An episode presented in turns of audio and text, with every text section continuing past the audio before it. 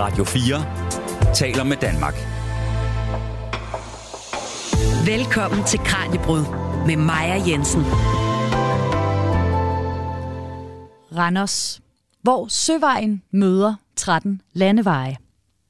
Jammerbugt Kommune. Vi har så meget, at vi giver det væk. Køge, den gamle by ved den friske strand. Odense, at lege er at leve. Gennem tiden har byer og kommuner forsøgt at lokke flere folk til. Med flotte plakater, kække slogans og gennemførte kampagner har man forsøgt at forføre turister, tilflyttere og virksomheder. Og i dag har de fleste byer deres eget slogan. Nogle gode, andre mindre gode. Men at byer gør sig attraktive for omverdenen, det er bestemt ikke noget nyt fænomen. I dagens program ser vi nærmere på, hvad det er, der bliver fremhævet som gode kvaliteter for byer, og om det er de samme, der var på spil, da byer og kommuner for alvor begyndte på reklamestrategierne i 1930'erne. Mit navn er Maja Jensen. Velkommen til Kranjebrød. Du lytter til Radio 4. Og så vil jeg gerne byde velkommen til jer, Michael Frausing og Ole B. Jensen. Tak. Tak.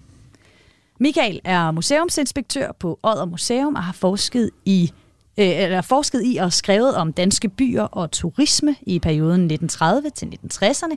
Og Ole B. Jensen er professor i byteori og urban design ved Aalborg Universitet. Han forsker i byplanlægning og har blandt andet beskæftiget sig med branding af byer. Og Ole, når nu programmet det handler om, hvordan kommuner og byer forsøger at sælge sig selv, gør sig mere attraktive for de her turister, virksomheder og tilflyttere, så skal vi måske starte med at have fat i det, man kan kalde place branding. Hvad er det for en størrelse? Det er måske det, man også kunne kalde bybranding i virkeligheden. Jamen, bybranding, det er jo sådan en slags øh, reklame. Øh, man kan også kalde det, jeg plejer at kalde det en selektiv fortælling. Det er en fortælling om, om et sted, men øh, det er ikke en fortælling, der har journalistens eller akademikernes ambition om at dække det hele og være objektiv. Det er en fortælling med et formål, og derfor ligner den også reklamen. Det er jo det tidspunkt, hvor vi accepterer lidt øh, snyd, eller lidt øh, sådan, øh, man drejer lidt øh, sagen, fordi vi godt ved, at det er jo ikke en, en, øh, en dokumentarisk eller, eller videnskabelig beskrivelse. Så place branding, det handler om at fortælle øh, og skabe narrativer og billeder, både fysisk på papir, men også op i folks hoveder, om hvad steder er for nogle størrelser, med henblik på at lokke dem til enten at bo der, eller investere der, eller at besøge det som turister. Ja. Hvordan kommer det til udtryk? Altså, hvor, hvor kan jeg støde på place branding i hverdagen? Det, altså det, det siger sig selv, at, at, man skal, at det, det handler om medier. Ikke? Altså der er forskellige former for medier. Der er øh, de, øh, de klassiske, det er øh, reklamer øh, som, øh, som, som hvad skal vi sige, plakater, posters, som man kan øh, se forskellige steder. Så er der reklamer, vi finder i øh, ud at se med DSB, eller i aviser, eller øh, på anden vis. Og i vores moderne tid er det selvfølgelig også øh, øh, sociale medieplatforme. Det kan være po- po- podcast, det kan være internettet, det er alle steds nærværende. Øh, så det er virkelig en, en hver form for, for, øh, for medieplatform, der stiller sig til rådighed for at formidle en form for øh, selektiv for, historiefortælling om stedet. Ikke? Så det er byens egen fortælling om sig selv til en, en mulig køber, kan vi så sige? Nej, det er det så ikke. Øh, altså det, det, fordi hvad er, altså byen har for det første ikke en stemme, og for det andet så er det, er det, selvfølgelig, det er selvfølgelig forsøg på at fortælle byen, eller fortælle stedet. Øh, men det er jo typisk noget, der er lavet af professionelle folk, det er lavet af byråer og reklamefolk, øh, måske endda turismeeksperter, øh, og så er det lavet på opdrag. Det er sjældent, der er nogen, der gør det bare sådan for at, at beskrive deres sted øh, og lokke folk til. Det er som regel en, øh, en, øh, en transaktion, hvor nogen har bestilt dem til at lave det. Ikke? Så det er typisk, i det her tilfælde er det måske en kommune, der får et brandingsekretariat, øh, som hyrer et reklamebyrå, eller øh, in-house får nogle af medarbejderne til at, øh, at rode med, med den slags ting. Ikke? Ja, så det er faktisk sjældent folk, der selv bor i byen, der, der laver de her øh, reklamefremskud for byerne. Det er ret sjældent, og faktisk kan man også finde, altså de eksempler, jeg har på, det er faktisk det modsatte, ikke? Hvor, hvor, hvor nogle af, af beboerne er kommet med, med modfortællinger, fordi de synes, det var lidt irriterende det andet. Ikke? Ja, og øh, nogle af dem, dem skal vi også ind på senere i programmet. Men Michael, du har jo det historiske blik i, i dag på programmet. Øhm, man kaldte det godt nok ikke place branding dengang i, i 1930'erne, øh, som er perioden, eller starten af den periode, du har beskæftiget dig med. Og om lidt så tager vi også en tur tilbage øh, i tiden og kigger på, hvordan byerne de brandede sig i den her periode, blandt andet med de her turistplakater, som vi skal se nærmere på. Men var det den samme funktion, den havde dengang? Altså, hvem, hvem forsøgte de her bybranding i, i 30'erne til 60'erne at ramme med, med de her turistplakater? Ja, altså der kan man jo sige, at øh, der, vi kalder dem øh, turistplakater, men øh, i, i virkeligheden er det jo, øh, øh, også i forlængelse af det, Ole siger jo, det her spørgsmål om at fortælle nogle fortællinger om sig selv. Og øh, der, der er dels de her øh, øh, turister, som man gerne vil være ude efter, men, men vi kan også se øh, i kilderne og de diskussioner, der er i, øh, i, i foreningerne, at, at man også har blik for netop bosætning og for at tiltrække virksomheder og få folk til at investere øh, i, i byen. Og også nogle af de øh, dilemmaer, som, som så nogle gange, øh, eller spændinger, man kan sige, øh, der kommer imellem de her forskellige målgrupper. Kan man også se øh, tilbage i, i 30'erne, da man så for alvor begynder at brande byerne, øh, og, og den fortælling dykker vi mere ned i lidt senere. Men kan man også se, at altså, er det også nogen udefra, der kommer ind og laver en fortælling om en by, eller har det mere været folk fra byen, der i starten har lavet de her fortællinger? Øh, det har, det har, det har øh, helt klart typisk været øh, folk fra byen selv, og netop i øh, turistforeningerne. Men, men lige omkring 1930 kan vi se øh, et klart skifte i de fortællinger, som kommer frem, og det har at gøre med den her øh, professionalisering af reklamebyråerne, som, som kommer frem der i, i 20'erne. Ja. Og hvor øh, hvad det, virksomheder begynder at etablere sig som hvad det, varemærker og, og sådan mere professionel reklame, og det giver så naturligt den her idé om, at det kan at det kan byer også gøre. Ja, men det starter altså med beboere i byer, der fortæller om den ja. by. Men øh, nu synes jeg, vi skal gå lidt tilbage i historien, åbne historiebøgerne og se på, hvor langt tilbage vi egentlig kan spore den her bybranding. Du lytter til Kranjebrud på Radio 4. I dagens program, der gør professor Ole B. Jensen fra Aalborg Universitet og Michael Frausing, museumsinspektør på Odder Museum, os klogere på, hvad det er, der gør en by attraktiv for både turister, virksomheder og tilflyttere, og hvordan man så kan brande de her byer. Og Michael, det her med at brande en by, som jeg sagde før, så er det nok ikke det ord, man har brugt, hvis vi går alt for mange år tilbage i tiden.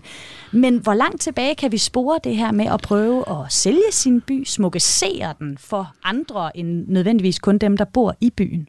Ja, det er jo et, et rigtig godt spørgsmål, kan man sige. Og hvis vi sådan sætter, og det er jo noget, de, øh, historikere har diskuteret, nemlig det her med, at det også hænger sammen med, at der er sådan en bestemt øh, identitet omkring by, og hvor langt tilbage kan vi egentlig spore det, at man har tænkt om sin by som et øh, specielt sted. Og det er faktisk noget, man diskuterer meget øh, intenst, om det er 1700-tallet, eller vi kan komme længere tilbage. Hvis vi sætter sådan det meget lange projektørlys på, så kan man jo sige, at, øh, at byer jo egentlig altid har haft nogle kendetegn eller nogle karakteristika, som, som, som gjorde dem kendt, eller haft nogle øh, værdier. Vi kan gå tilbage til pilgrimsbyer som Jerusalem eller Rom eller Santiago de Compostela, som, hvor, som, som jo ligesom havde nogle religiøse værdier, som øh, tiltrak folk eller besøgende øh, og rejsende. De, vil man sige, de, jo, de har jo også været været kendt for, for, for nogle bestemte værdier. Så er der jo, hvad skal man sige, hovedstederne, som øh, konger og andre fyrster har udsmykket med slotte og med katedraler, ligesom jo også for at, at prale med sin rigdom og sin, øh, og, øh, sin magt. Og altså, i, i det løs kan vi måske sige, at Christian IV's udsmykning af København med Rosenborg og Børsen og Rundetårn osv. egentlig måske er øh, Danmarks første branding-kampagne, for han ville vise, at han var en europæisk konge af europæisk og internationalt øh, format. Ja, så altså en branding gennem bygninger, faktisk. Ja, ja. Øh, og det er jo så kongens, øh, hvad skal man sige, egen prestige, som, som, øh, øh, som det handler om. Ja, en flot by smitter af på ham. Ja. ja. Hvis vi så bevæger os over til, til det skrevne Øh, hvornår kan vi så se det her med, at man begynder at skrive ja, om byer altså, og lokalområder? Øh, I forhold til danske byer, der skal vi op i 1700-tallet, hvor man begynder at få sådan øh, øh, topografiske værker eller øh, bybiografier, øh, små hæfter og pamfletter, øh, øh, som egentlig øh, fremstiller byens øh, øh, altså sådan, øh, øh, fine øh, bygninger og, og, og fortæller om steder. Det er jo øh, øh, som... Øh, Ole også nævnte jo en, en selektiv øh, fortælling om det, men de er sådan, de er meget øh, omfattende, og de er meget nøgterne i sådan, øh, hvad skal man sige, oplysningstidens øh, øh idealer. De udvikler sig med tiden hen mod sådan det, vi kan kalde øh, egentlig turistbrosyrer, hvor vi også får sådan beskrivelser af hoteller og guider og transport og så videre, altså noget af alt det infrastruktur, som øh, øh, turister har brug for, som måske er lidt mere kommercielt sigte og ja. øh, især øh, annoncefinansieret. Hvor, hvor, hvor er vi her tidsmæssigt? Der er vi i slutningen af 1800-tallet, okay. øh, omkring øh, år 1900, men det er stadigvæk sådan en, øh, en relativt øh, øh, skal man sige, højstemt eller nationalromantisk, øh, hvor, hvor, hvor det ligesom er det her øh, øh, øh, klassiske dannelsesidealer, det er det her med, at man gerne vil vise byen frem for, øh, for øh, de gæster, som kommer til. Det er kirker, det er ruiner, det er sådan øh, den her øh, historie, og det er måske også præget af, at dem, der skriver dem, øh, det her bedre borgerskab øh, i byerne, det er måske mere præget af deres interesser end øh, nødvendigvis af sådan øh, øh, en klar forståelse af de målgrupper eller mm. øh, hvad de her gæster. Ja, men nu har vi nævnt 1930'erne øh, et par ja. gange, og det er så her, vi ser, at det bliver egentlig reklame for byerne. Hvad er det, der sker? Hvorfor, hvorfor starter der, det her? Der kan vi sige, der begynder vi at få de her egentlige øh, reklamekampagner, øh, og hvor vi også begynder at få reklamefolk, øh, øh, altså øh, øh, professionelle reklamefolk øh, involveret i det, og det er det er både det her med, at man begynder at se øh, på målgrupper, man begynder at, lave nogle målinger på, hvad folk de interesserer sig for, og måske lidt mere noget med forlystelser og danserestauranter og shopping og den slags end, øh, end uh, museer og kirker. Mm. Øh, det er også øh, et spørgsmål om, at, øh, at byerne begynder at forstå sig selv som værende øh, i konkurrence med hinanden. Jamen, hvorfor opstår den her konkurrence? Ja, altså igen, hvis vi går tilbage til tiden, så var øh, byer jo, øh, hvad skal man sige, privilegerede byer, de, de var beskyttet af øh, deres øh, handel og deres håndværk, så at, at øh, erhverv måtte kun foretages inde i byerne. Og øh, ydermere var de så beskyttet af øh, de her privilegier, at, at bønderne udenom byen skulle søge til nogle bestemte byer. Så der var egentlig ikke konkurrence, man havde monopol på at drive øh, af, erhverv. Det går øh, i opløsning i 1800-tallet med de sidste rester af de her beskyttelse, det er faktisk omkring 1920. Og man kan sige, det er så egentlig også det, der ligesom åbner op for den her med, at man jo forstår, at man har at man er på et marked, og man er øh, i konkurrence med hinanden, og man begynder måske at se, at man forskellige virksomheder i den samme by har nogle fælles interesser. Det kan være omkring infrastruktur, øh, udvikle infrastruktur, men det kan også være det her spørgsmål om at skabe sig noget synlighed og skabe sig øh, et godt navn øh, i, i forlængelse af noget af det, Ole sagde tidligere. Ja, og du havde... Ja, Ole? Det var bare lige det, jeg vil føje lidt til. Altså, jeg er jo ikke historiker, men, men lige præcis det, det Michael fortæller her med, øh, med privilegierne og, og, og konkurrencen, ikke? der kan man så sige, at, at en, en, øh, en væsentlig forudsætning bliver jo så også det, som vi i dag kender som en løsrivelse af bolig og arbejdssted. Det er, at, at, man, er, at man ikke bor og producerer eller arbejder og forbruger det samme sted. Ikke? Det vil sige, at der, øh, der kommer en hel masse ud af det. Der kommer det ud af det, at man arbejder et sted og bor et andet sted. Der kommer også turisme ud af det. Og alt det er jo for en forudsætning for, at det kan lade sig gøre. Det er jo en, øh, en økonomisk øh, vækst og en, øh, og en teknologiudvikling, som gør, at vi kan flytte folk og sager mellem byer. Ikke? Og, øh, og det er jo sådan set det, vi kender med den kapitalistiske økonomi, og så, den, øh, og så byudviklingen, øh, som går hen og bliver konkurrencepræget. Blandt andet af nogle af de af grunde, som Michael peger på, og så også den det forhold, at, øh, at det nationale ligesom bliver, bliver mindre væsentligt i forhold til, at det bliver en global spilleplade. Ikke? Øh, Novo kan øh, lave et, øh, et, en fabrik i København, øh, og man kan kalde Øresundsregionen for Medicon Valley, for at få det til at lyde lidt af Silicon Valley og gøre det lækkert. Ikke? Øh, så så, så det, er en, det, er, det er en hel masse faktorer, der spiller sammen til, at vi får bykonkurrence. Ikke? Ja, og, øh, og jeg ved, Michael, at du har et uh, citat fra en bog fra 1945, var det?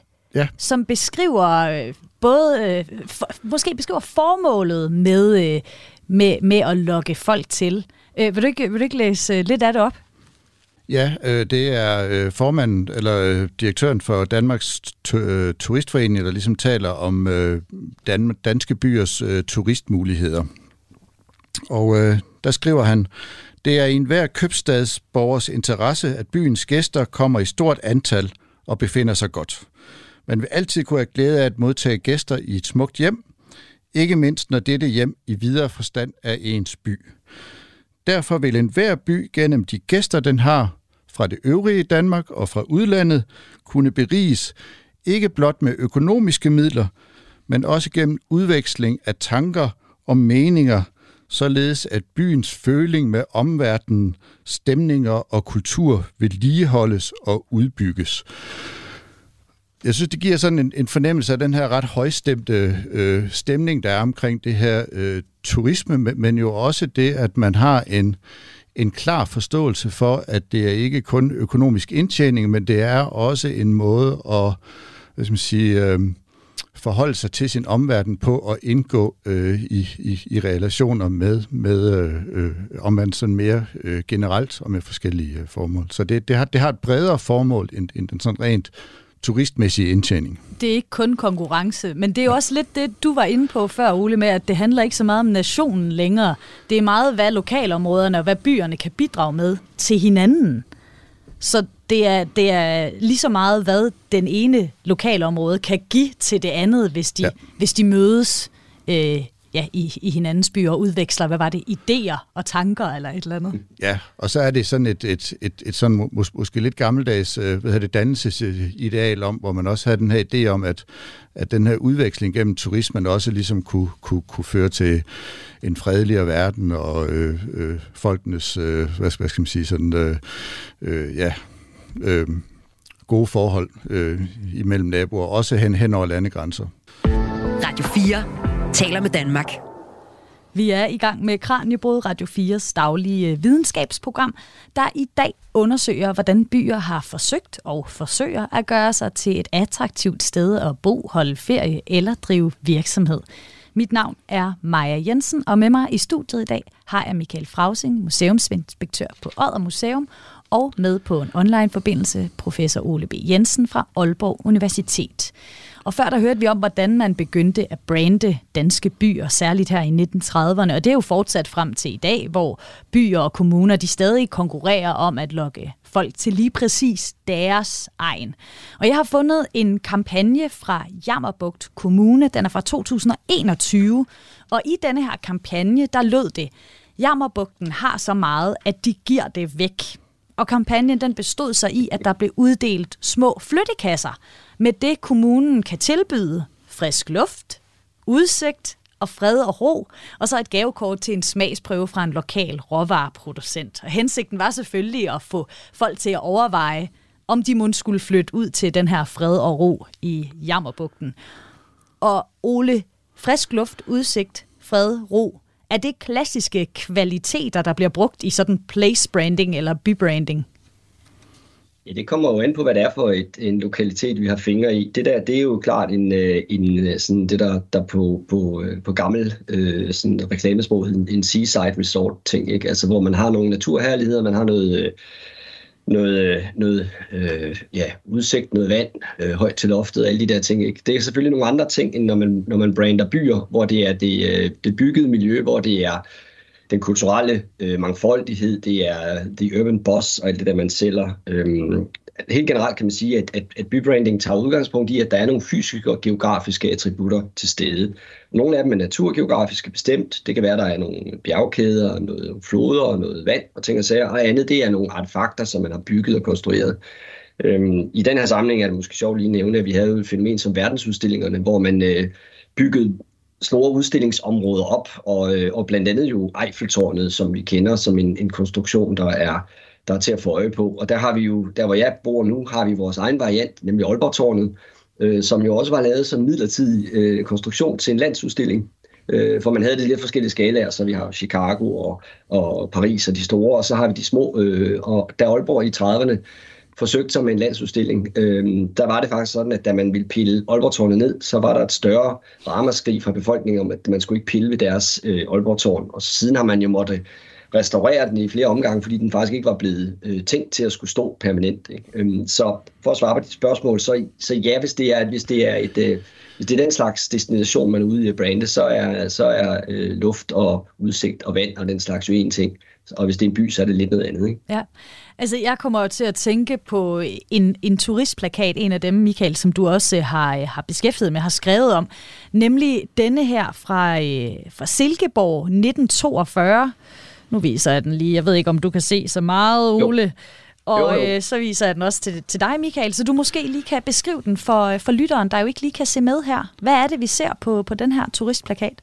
Ja, det er øh, Henrik Hansens øh, øh, turistplakat, øh, som hedder Himmelbjergbyen øh, Silkeborg, og øh, hvor man ser øh, to kvinder i en kano på øh, en af Silkeborgsøerne, og vi har af jejlen sejlende bagved, og så øh, i baggrunden troner Himmelbjerget sådan meget højt, øh, ligner næsten et kolossalt bjerg, øh, og med øh, Himmelbjergtårnet øh, på toppen, og så får man sådan en dansk øh, sommersol, øh, der, der ligesom øh, stråler ned over det her. Og det er, øh, hvad skal man sige, øh, øh, typisk for øh, øh, Silkeborg har egentlig været det meget, meget længe. Øh, Himmelbjerget var en af de første sådan egentlige turistattraktioner øh, i Danmark, hvor vi får øh, øh, altså egentlig komplet udbygget med øh, guider og med øh, øh guidebøger øh, og øh, hoteller og restauranter og øh, sådan transport. Øh, hvad hedder det? Jejlen begynder at sejle i 1861, øh, så tidligere og jo egentlig tit, øh,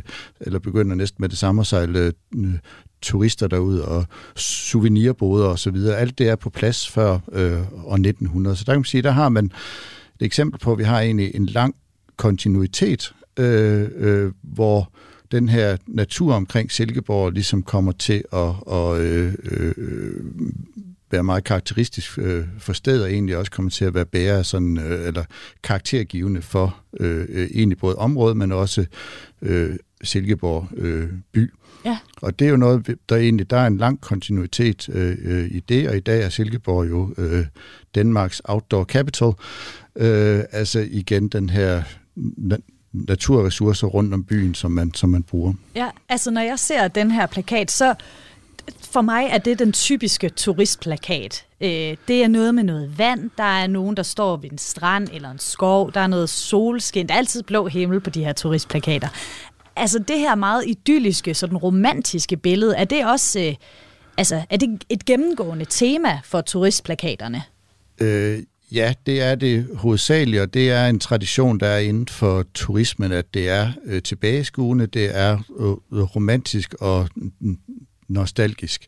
Og det er måske også der, at, at øh, turismen måske lidt mere snævert øh, adskiller sig fra bybranding sådan lidt bredere, fordi at det er typisk meget bagudskuende og øh, nostalgisk turistplakaterne i øh, 30'erne og 40'erne. Altså, der var nogle byer, der forsøgte sig med øh, øh, et lidt mere øh, moderne udtryk, det Ole kaldte øh, den øh, urbane boss, øh, hvor man egentlig prøver at ligesom have noget mere øh, fremadskuende og øh, dynamisk. Og det er jo faktisk også Aalborg, som ligesom har en øh, faktisk flere turistplakater. Den mest kendte er sådan en med en stor skorsten med øh, en hammer, som sådan ligesom skal vise, at man er øh, industriby, og man er arbejderby, og man har også... Øh, øh og øh, det, det, det er meget øh, pussy og anderledes, øh, fordi netop hele den her historiske bykerne er trådt fuldstændig i baggrunden, og man prøver ligesom at vise sig som sådan en, øh, en by.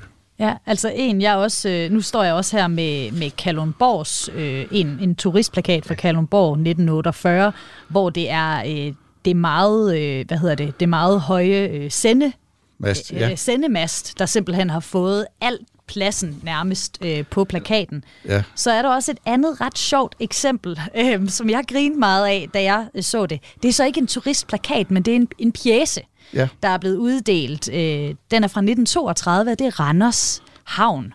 Og sloganet på den her pjæse er, hvor Søvejen møder 13 landeveje. Det var også den, jeg læste højt i starten. Og hvis jeg skal beskrive det billede, så er det et, et udsnit af Danmarkskortet. Øh, Randers er på, på kortet med en stor stjerne, og så har vi de her 13 røde linjer, som skal vise de 13 landeveje ud til forskellige byer, der er markeret med en stjerne. Der er Skanderborg, der er Hadsund, Greno, Æbeltoft osv. Der er ikke meget, øh, der er ikke meget romantik og historie at hente her i hvert fald. Hvem Nej. er det, man har forsøgt at, at nå med sådan en pjæse her? Ja, det, det, det, det er en bredere kampagne, som ikke kun er rettet mod øh, turister, men hvor man øh, giver den her øh, øh knudepunktslogik, øh, at man er øh, i midten for noget andet, og det vil sige, at det er nemt at komme til byen, men det kan også være nemt at komme derfra øh, igen. Og det er faktisk øh, meget henvendt til øh, netop øh, hvad hedder det, virksomheder, Øh, for eksempel, at man godt gerne vil man sige, udvikle byen, og, og ligesom siger, at, at man ligger meget centralt øh, i, i Jylland, og nu har man også den her store havn, og, og man har landeveje, der ligesom øh, øh, øh, stråler ud. Så det er en, det er en bredere forståelse. Ja. Ja, Ole?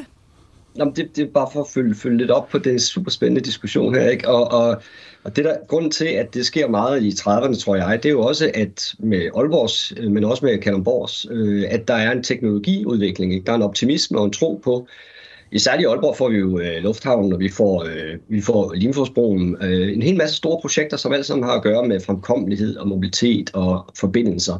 Så det der, man laver det der kartografiske trick i Randers, det gør man alle steder. Det gør vi også selv. Når vi ser et kort fra Kina, så synes vi, det vender på hovedet og forkert, fordi at vi bor jo i verdens... Altså vi er vant til at orientere os efter, at vi er i verdens navlæg, og vi bor på en klode. Det er fastslået, tror jeg nok. Øhm, så derfor så, så er den der centralitetsdiskussion, den er hele tiden til debat.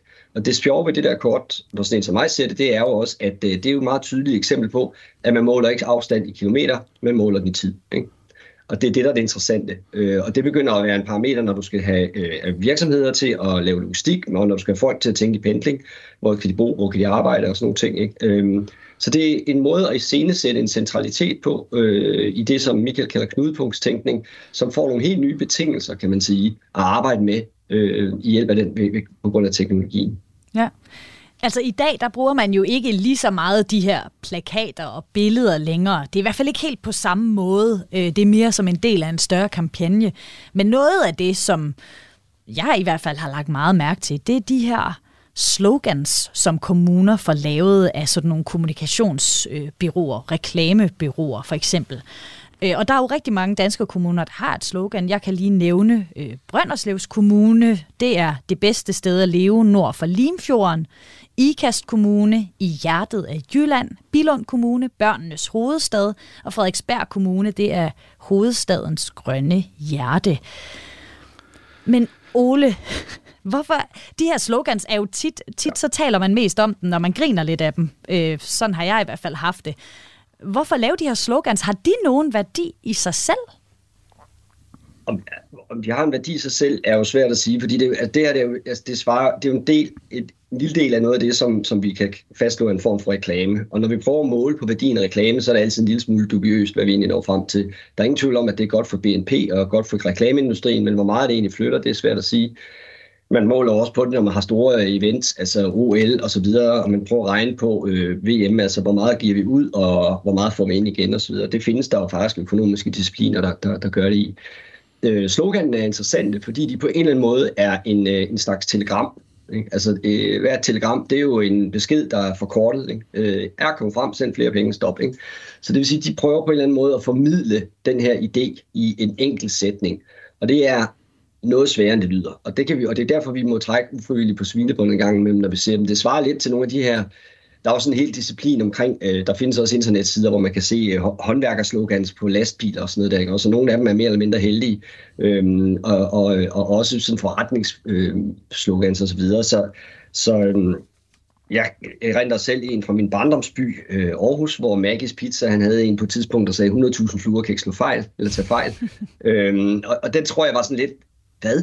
Ikke? Fordi det var jo sådan en underlig ironisk, øh, altså et slogan skal jo glorificere produktet, og ikke ligesom i, på en eller anden måde i ord. Jeg tror at egentlig, han har haft det sjovt med at lave det på det tidspunkt. Der, ikke? Øhm, så det er sådan en, øh, sloganet er, er, er sådan en kort form, og så er den, den, den mest kommunikerbare del af det, øh, i en vis forstand, fordi man ikke behøver at have billedmedier og alt muligt andet. Det, der kan være udfordringen, er selvfølgelig den afstand, der kan være mellem det, man får sagt, og det, man rent faktisk har at byde på. Øhm, det er sådan med branding øh, og reklame i det hele taget, at man kan jo love hvad som helst, men hvis ikke man kan bare holde lidt af det, så, så får man utilfredse kunder. Ikke? Øhm, så deres slogan er lidt svært, fordi at det nogle gange jo øhm, nogle gange altså, kan, kan, kan, kan, kan næsten blive, blive afkoblet, og det er også derfor, at man kan sige, Michael startede med at sige, at, at det her startede egentlig med borgere, der vil fortælle om deres eget sted. Og så længe man gør det, så ved man, hvad man har med at gøre. Men hvis man flyver en eller anden ind, øh, som laver en flerfarvet brochure i en fart, og så tager afsted igen, så er det ikke sikkert, at vedkommende har forstået DNA'en af stedet helt. Og så kan den afstand mellem det, jeg kalder Stenbyen og Rorbyen, jo godt blive lidt for stor. Ikke? Ja, altså der er jo også nogle af de her slogans, som er lidt vage. Altså øh, i hjertet af Jylland, det er jo bare, hvor det er placeret rent geografisk. Nu er jeg fra Vejle, så jeg kender Vejles slogan, Vejle med vilje. Jeg kan så fortælle, det er ikke den, det er den eneste kommune, der har noget med vilje i sit, øh, i sit slogan. Men der er jo for eksempel, nu nævnte jeg Odenses, Odense Kommunes slogan i starten, at lege er at leve. Der kan man jo godt se en, en tilbageskuenhed i forhold til det her fokus på H.C. Andersen, øh, som man må jo formode, at det er der, de har deres inspiration fra. Altså, det, nu nævnte du, at der er særligt på et tidspunkt i, de, i historien, Michael, var det her fokus på det romantiske. Men der kan vel stadig godt være nogle fordele ved at og, og spille på det, selvom at man også er en moderne by, eller også gerne vil fremstå moderne? Ja, helt bestemt øh, øh, er det jo stadigvæk en, en øh, komponent, og man kan sige, øh, i, i nogle byer er det jo stadigvæk, og det er så dem vi typisk genkender som turistbyer, øh, er det stadigvæk øh, en hovedkomponent, hvor den her øh, øh, tilbageskuende eller sådan lidt øh, romantiske øh, øh, øh genre øh, bliver bærende. Det kan for eksempel være Ribe eller, øh, eller hvad hedder det, Æbeltoft.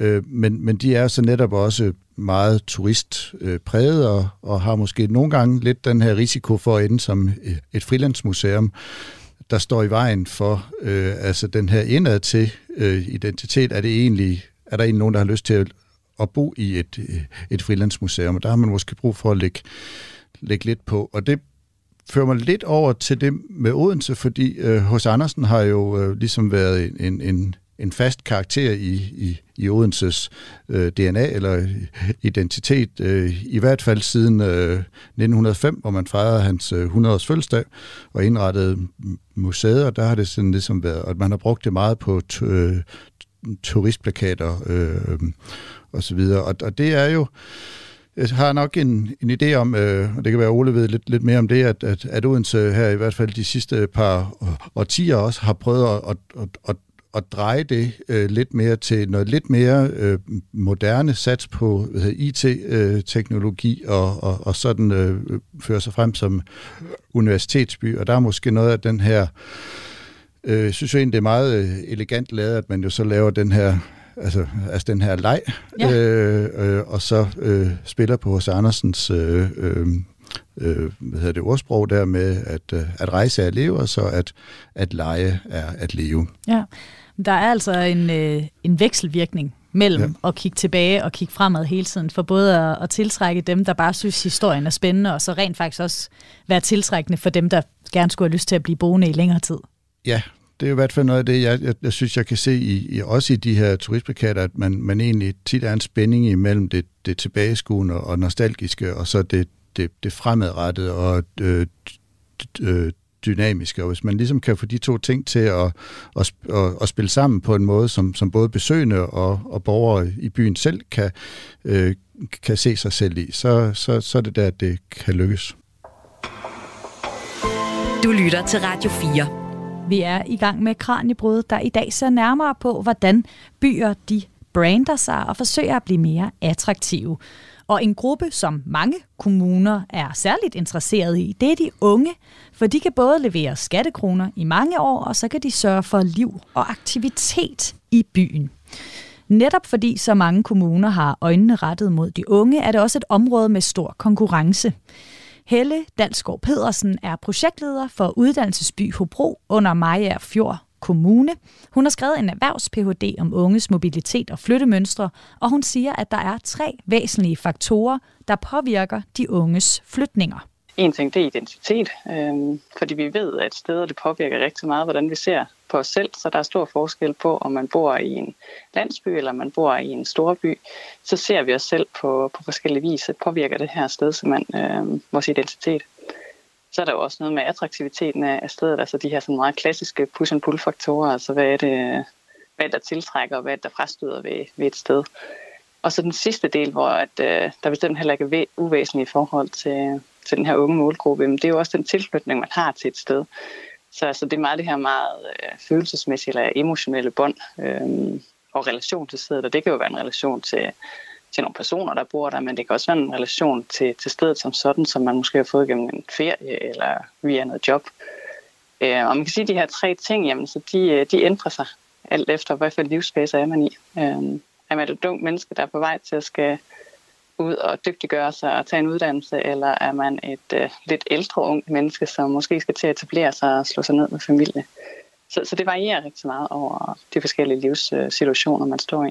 Men der er stor forskel på, om det er nogen, der har en tilknytning til stedet eller ej. Der er i hvert fald øh, meget stor evidens for, at hvis man har en, en relation til et sted, jamen så er sandsynligheden for at flytte øh, flytter til os øh, langt større. Altså det er meget, meget sjældent, at vi, vi ser nogen flytte til, til steder, hvor de ikke kender i forvejen. Øh, og man kan faktisk sige, at, at vi ser også, at øh, hvis du er født eller opvokset i, i et, et landområde øh, eller en mindre by, så er den her tilknytning faktisk også øh, tit større. Så det vil sige, at øh, når du så senere i livet skal slå dig ned, så er der en større sandsynlighed for, at du også vil gøre det i et, øh, et tilsvarende størrelsessted. sted så kan det slet ikke øh, svare sig at forsøge at brande sig over for nogen, der ikke har den store tilknytning, hvis man ønsker at få flere unge tilflyttere?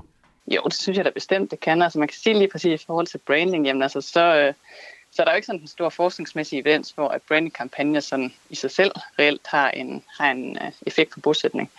Men, men altså omvendt, så synes jeg jo også, at kommuner og steder, de bliver nødt til at gøre opmærksom på sig, på sig selv, fordi hvis ikke, at, hvis ikke de selv gør det, jamen, så er der ofte nogle andre, og det er jo tit populærkulturen eller medierne, som, øh, som skaber en fortælling og skaber nogle oplevelser øh, af forskellige steder. Så det har vi jo set gentagende gange med forskellige øh, serier, der er kørt på, på fjernsynet. Altså, det kunne være Doggy Style, den ungdomsserie, der kørte for nogle år tilbage, hvor der portrætteret, var det Odsherres Kommune øh, på en lidt negativ måde, og på røven i Nakskov tror det heller ikke, at, øh, at øh, Lolland de var sådan super begejstret for, at der kørte.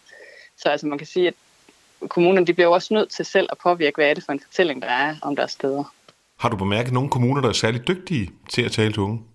Jamen, jeg synes faktisk, der er rigtig mange kommuner, der, der, der gør et rigtig godt stykke arbejde. Men om øh, altså, definitionen af at gøre det godt og, og være dygtig til det, hvis det er lige med, at der skal ske en befolkningstilvækst, så, så tænker jeg, at der er knap så mange, der gør det godt, fordi at, øh, at vi simpelthen ikke kan se det her lighedstegn nødvendigvis mellem de indsatser, der bliver lavet.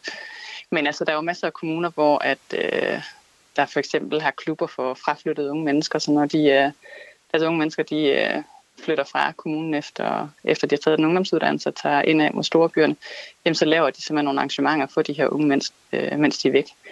Det kan også være, at man laver nogle øh, studiesamarbejder, øh, mens de unge de er ude på, på de videregående uddannelser. Det kan være fritidsjob, så når de øh, har fri derhen over sommeren, jamen, så har de et job på, på hjemmeegnen. Øh, Øh, og så tror jeg faktisk rigtig meget på også, at, at man ikke først skal have fat i de unge mennesker, når at, øh, de ligesom er rejst væk øh, fra egen, men også at man sørger for også at få, få givet dem den her gode øh, ungdom og, og gode afrejse fra, fra ens egen, så man, så man ligesom har, man rejser derfra med en lyst og en motivation til at vende tilbage igen senere hen. Hvilke motivationsfaktorer er der så egentlig, når de unge skal til at flytte? Altså er det alene på grund af uddannelse eller job for den sags skyld? Der er jo ingen tvivl om, at uddannelse det har en stor betydning i forhold til, hvor de unge mennesker flytter hen. Altså der har vi jo et centraliseret uddannelsessystem, som simpelthen påvirker dem til at flytte ind mod byerne. Men der er også en, en klar øh, altså ungdomskultur nogle dage, hvor at, øh, at det nærmest er blevet sådan en dannelsesrejse for de unge, at øh, de bliver nødt til at foretage den her flytning, som ofte er fra øh, en mindre by eller fra landet, og så indad mod, mod større byer. Øhm, fordi det, det med at bare at blive boende det sted, hvor man er født og opvokset, det, det bliver egentlig opfattet som noget, der er stagnerende. Så derfor kan man også sige, at, at når vi snakker om unges flytninger, så handler det ikke udelukkende om sådan en geografisk mobilitet, men også om en, en social mobilitet, hvor at, øh, hvor at byerne og bystørrelserne de egentlig er, er rangeret lidt på sådan et socialt hierarki. Og det fortalte Helle Dalsgaard Pedersen, projektleder for Uddannelsesby Hobro under Majerfjord Kommune, til reporter Kasper Fris. Ole B. Jensen, hvad tænker du om det, Helle Dalsgaard Pedersen fortæller her om at prøve at lokke de unge mennesker til, øh, til kommunerne? Jo, jo, men det er jo det, er jo det hele øvelsen går ud på, øh, og på en eller anden måde få folk til at være interesserede. Øhm, det, som man rører ved, også sådan rent forskningsmæssigt, det er, om der er evidens for, at det rent faktisk gør en forskel, og det er altid svært. Øhm, men, men det er helt tydeligt, at, øh, at det, der, det der er på spil er jo, øh, altså turistbranchen og, og den slags øh, øh, praktikere har jo, har jo ofte et begreb, som vi andre akademikere måske har lidt anstrengt med, nemlig autenticitet. Altså at steder skal være autentiske, øh, og, og det, når man piller lidt i det, så bliver det jo forfærdeligt besværligt at have med at gøre, øh, men der er jo klart en opfattelse af autenticitet.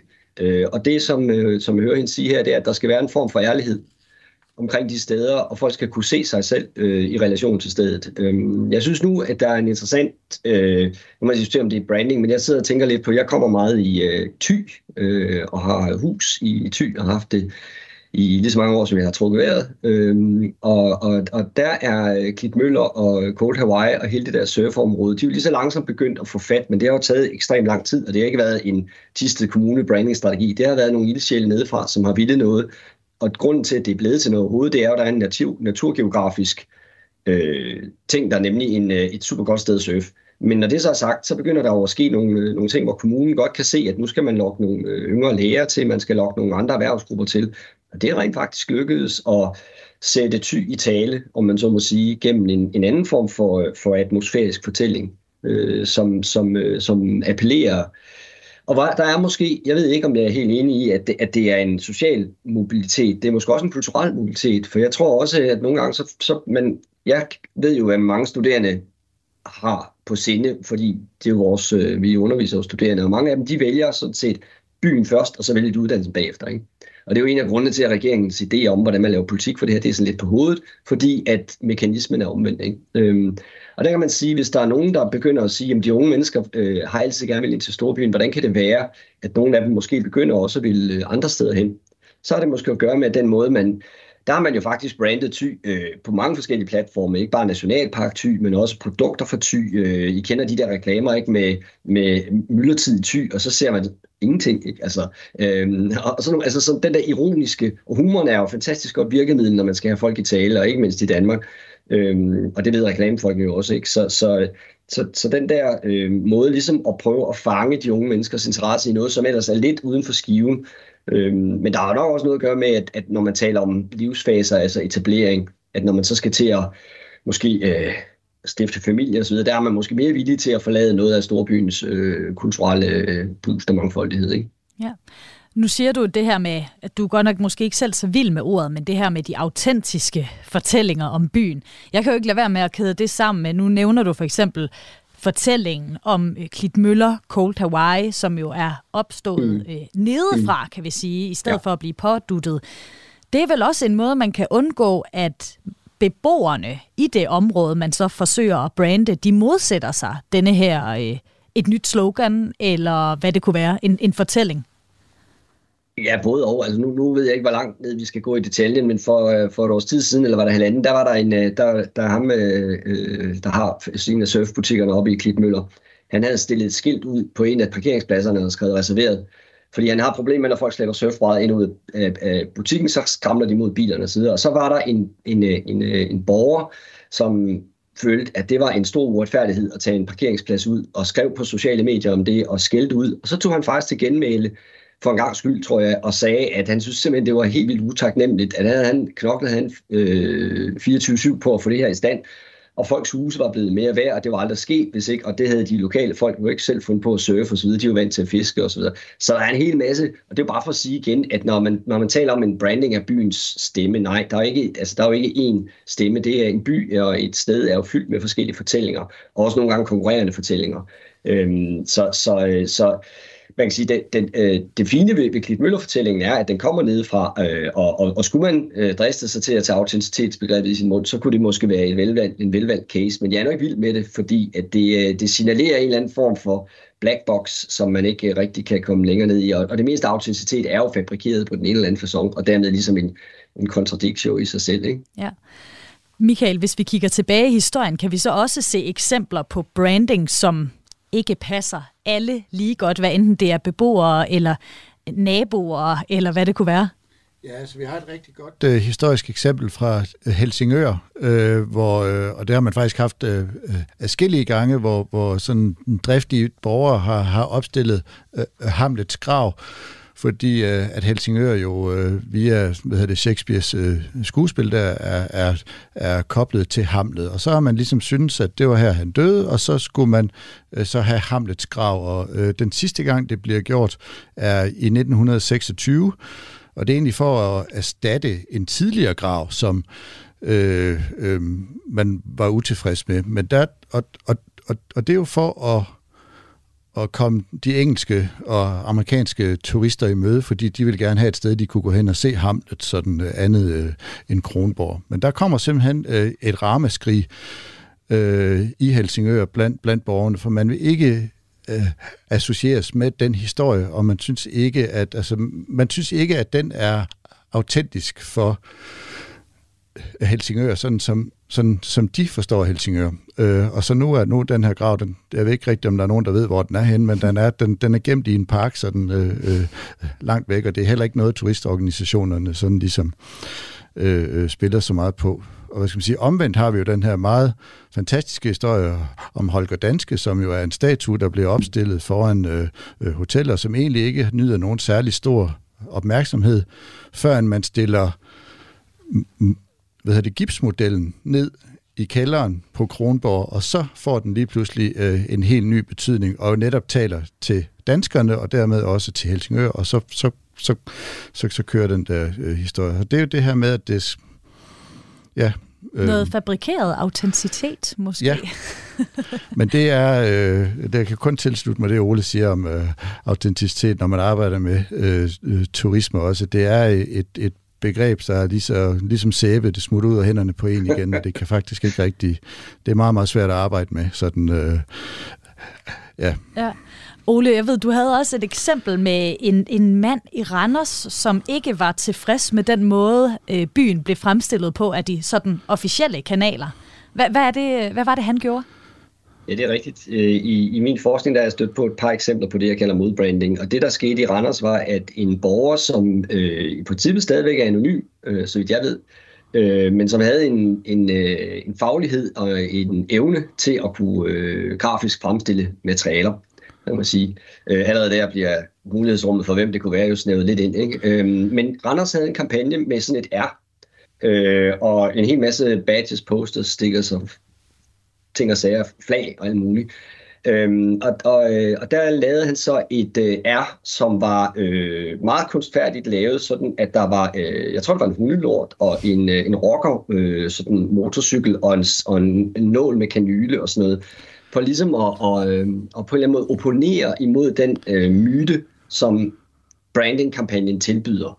Øhm, og det som det, jeg synes, at udover det er sådan lidt usædvanligt, og man kan sige, det er lidt interessant, så, så er det jo øh, faktisk et meget godt eksempel på, og jeg fandt også et andet eksempel fra Toronto, hvor, øh, hvor man kørte en, øh, en branding- og markedsføringskampagne øh, i ly af øh, en meget, meget berømt amerikansk professor, øh, der hedder Richard Florida. Og Richard Florida, han opfandt et begreb, som de fleste kender, der er ingen, der kender Richard Florida, men alle kender begrebet den kreative klasse. Og det var Richard Florida, der fandt på det. Og han fandt ud af, at i den øh, postindustrielle, moderne øh, produktionsform, hvor man ikke, øh, hvor man har, hvor det er viden og symboler og sådan noget, som byerne indretter sig efter, der er den kreative klasse er utrolig vigtig at få fat i, for det er der værditilvæksten ligger, det er dem, der er innovative, det er derfor, det hedder leg hos Odense, det er fordi, det er den kreative klasse.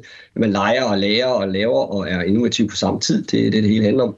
Og, der, øh, og i forbindelse med det, der har vist øh, Florida så faktisk, at steder, hvor der bor mange homoseksuelle, de har en meget høj grad af tillid, og har en meget, høj, meget høj grad af øh, innovation.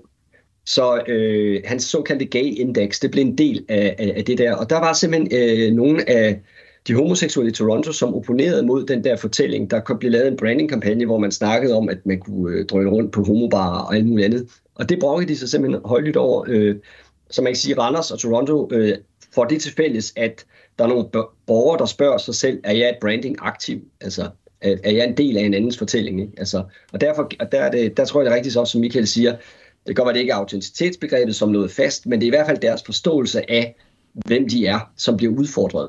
på en negativ måde gennem noget, der kommer en fortælling, øh, som kommer et andet sted fra. Og så er, er det er lidt usædvanligt at se, at folk rent praktisk opponerer, men det sker åbenbart igennem historien, og det er meget interessant. Ja, når man skaber, når andre skaber en fortælling om en by, så er det altså ikke kun dem, man gerne vil tiltrække, man skal have for øje. Det er i høj grad også dem, der allerede bor der. Men det er altså Præcis. det, vi øh, når i dagens program. Jeg har haft besøg af Michael Frausing, museumsinspektør på Odder Museum, og Ole B. Jensen, professor i byteori og urban design ved Aalborg Universitet. Tak fordi I har lyst til at være mine gæster i dag. Tak fordi I måtte være med. Velkommen. Mit navn er Maja Jensen. Kranjebrød er produceret af Videnslyd for Radio 4. Tak fordi I lyttede med. Du har lyttet til en podcast fra Radio 4. Find flere episoder i vores app, eller der, hvor du lytter til podcast. Radio 4 taler med Danmark.